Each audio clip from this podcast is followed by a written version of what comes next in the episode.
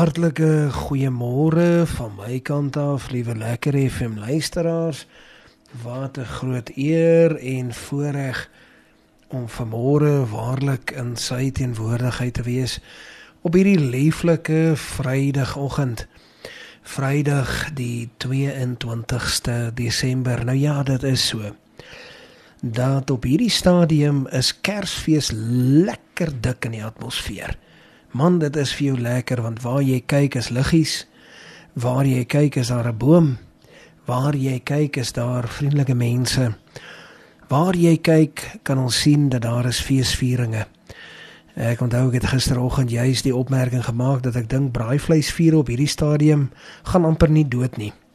Jy weet die kole van die vorige aand of die vorige dag steek die volgende aan die brand en dit is omtrent hoe dit nou loop veral in ons Afrikaanse kultuur. Dit is werklik 'n heerlike tyd.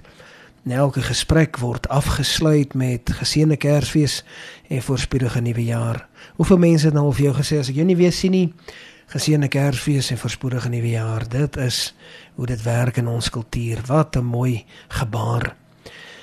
Maar een ding seker dierbaar is en uh, vriende, lekker FM luisteraars, dit is ook so dat ons vanmôre die geleentheid het vir die volgende 15 minute om net stil te wees in die teenwoordigheid van die Here.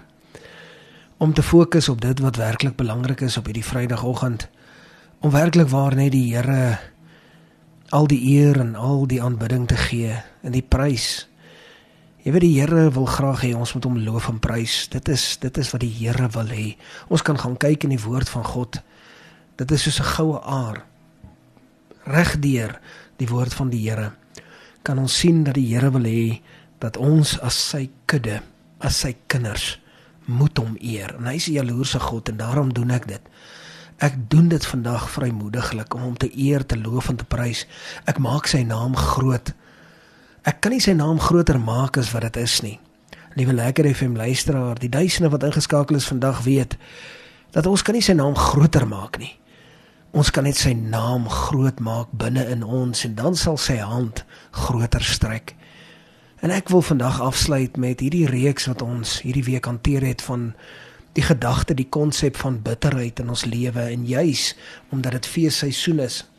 Bolangs is dit vir ons baie lekker, ons lag en gesels en ons braai lekker vleisie, maar in ons harte so na die einde van die jaar toe is daar wel daardie wortel van bitterheid. En weet jy wat, liewe lekker FM vriende, ek staan eerste in die ry vandag. Ek wil myself nie hier uit die berekening kom uithaal nie. Ek is baie deel. Ek is aktief deel van hierdie berekening. Ek staan eerste in die ry en ek vra Here, help my ook.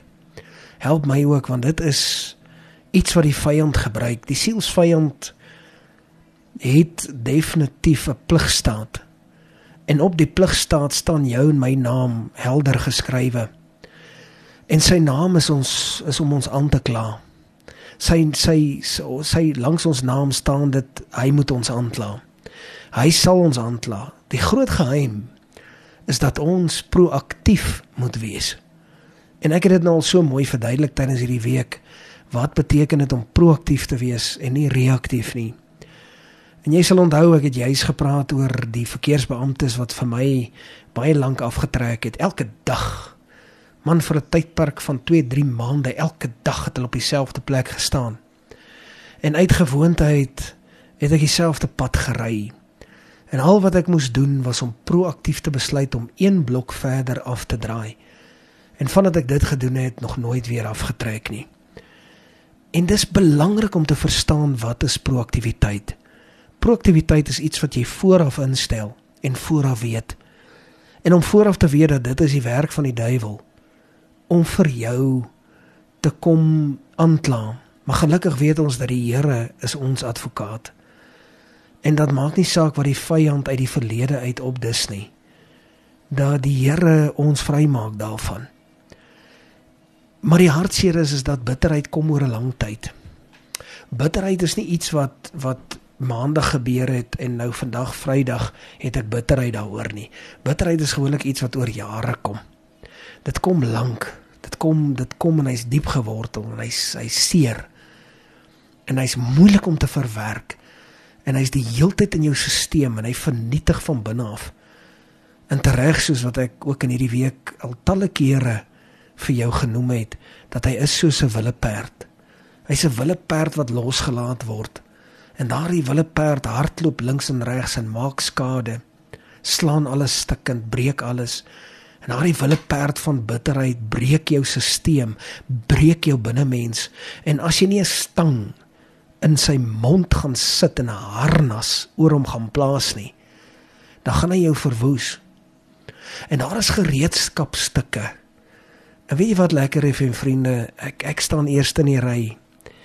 En glo vir my vandag, ek ek hierdie gereedskapstukke wat ek in jou hand sit, is geïnspireer deur die Heilige Gees en is ook gereedskapstukke wat ek moet gebruik en wat ek gebruik.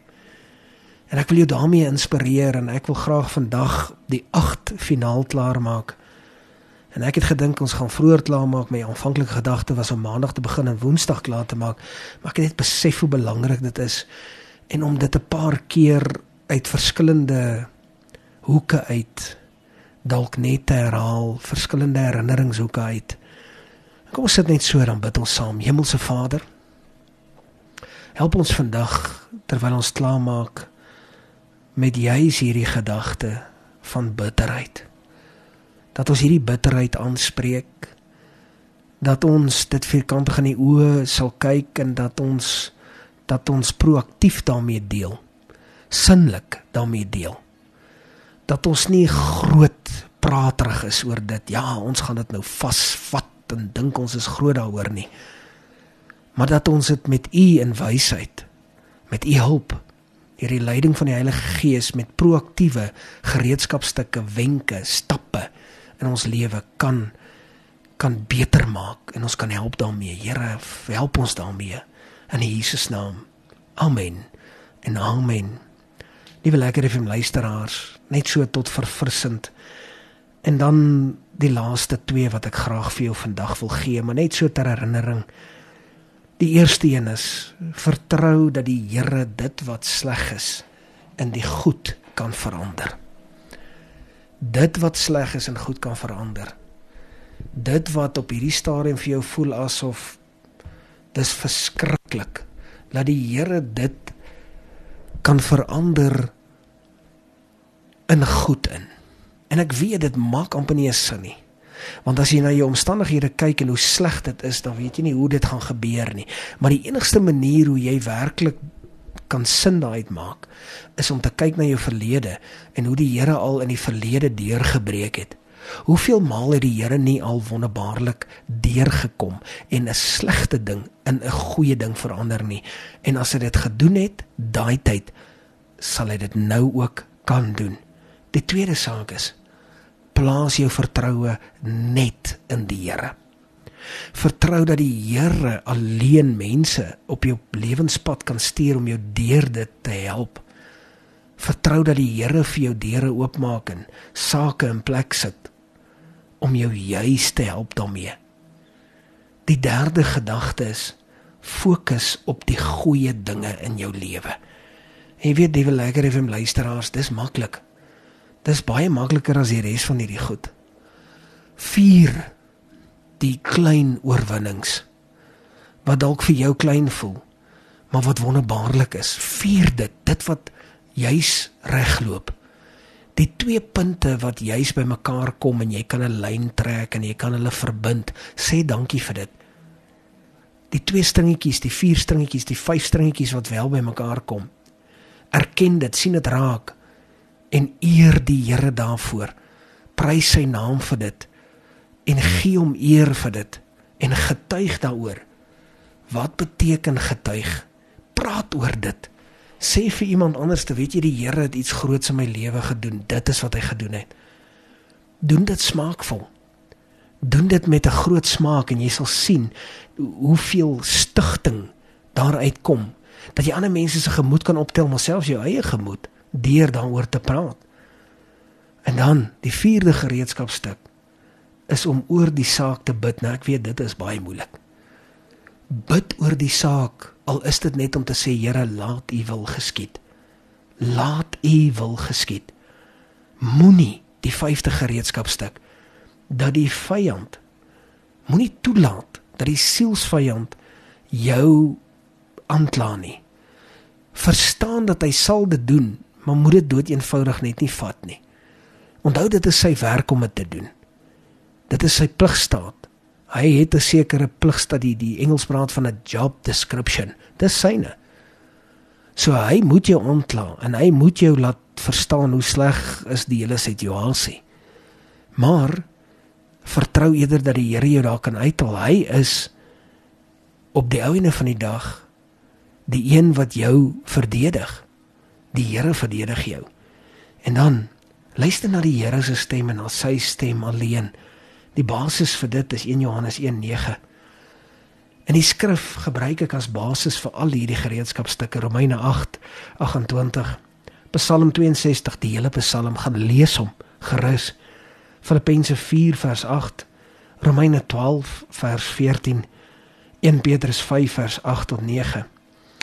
En dan wil ek graag die laaste twee sake in jou gees los. Vertrou op die Here se krag Filippense 4:13. Vertrou op die Here se krag, vertrou dat die Here se krag die die die absoluutheid is, die absolute is. Jy weet die die Engelse sê dit baie mooi, hy sê die ultimate. Vertrou dat die Here se krag is groter as wat jy kan dink of wat enige mens, selfs groter as jou omstandigheid, selfs groter as hy bitterheid. Daai saad van bitterheid wat groei, die Here se omstandighede is groter as dit. Die Here se krag is groter as die omstandighede. As jy dit kan vertrou, as jy dit kan vasmaak, dan wil ek vir jou sê gaan jy alreeds 'n baie ver pad kom want as jy kan weet luister man die God wat ek dien is groter as hy wat in die wêreld is en hy kan 'n verskil maak ek weet nie hoe nie en in my vlees verstaan ek nie hoe die Here dit kan doen nie maar hy kan hy kan hy kan hy kan hy het al in die verlede ek het ander mense gehoor getuig daarvan ek self het dit gesien daarom weet ek in hierdie omstandigheid sal die Here dit weer doen want hy is by magte die laaste gereedskapstuk vind ek daar in 1 Korintiërs 6:20. En ek het hom gelos juis vir die laaste een. Ek het hom juis gelos vir heel laaste, want ek wil baie stadig oor dit praat. Maar as ek vir jou vandag kan raad gee, doen alles van harte asof vir die Here. As jy daardie bitterheid wil oorwin, doen dit omdat dit die Here is wat dit van jou verwag. Die Here verwag dit van jou en die Here verwag dit van jou ter wille van jou. En so moet jy dit sien. Die Here verwag dit van jou om die om die bitterheidswortel uit te haal omdat dit voordelig is vir jou en omdat die Here vir jou lief is verwag hy dit en sal hy weet hy wat is die beste vir jou. Daarom as jy dit vir hom doen, sal jy dit vir jouself doen. En wanneer jy dit reg kry, kan jou lewe handomkeer verander. Ek glo dit. Ek glo dit vandag soos wat ek hier met jou praat en ek en ek sluit af vandag met met hierdie reeks oor bitterheid. En ek weet want dit is so naby aan die einde van die jaar. En ek weet ons het baie sake wat al die hele jaar loop. Daar by jou werksplek daar waar jy werksaam is dit wat jou verantwoordelikhede is. En hoe die onreg die onreg van van van jare en jare aan jou vreet. En dat jy regtig voel maar jy sien nie meer kans vir dit nie.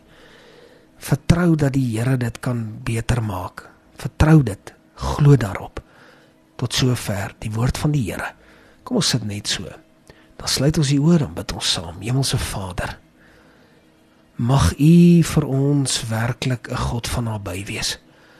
Mag U ons hierin help om hierdie saak te stry en ons in ons harte daardeur verkoop en ons help daarmee. Want U is waardig, Here, en ek weet U kan dit doen. U sal dit doen. Help ons daarmee in die naam van Jesus. Amen. En amen.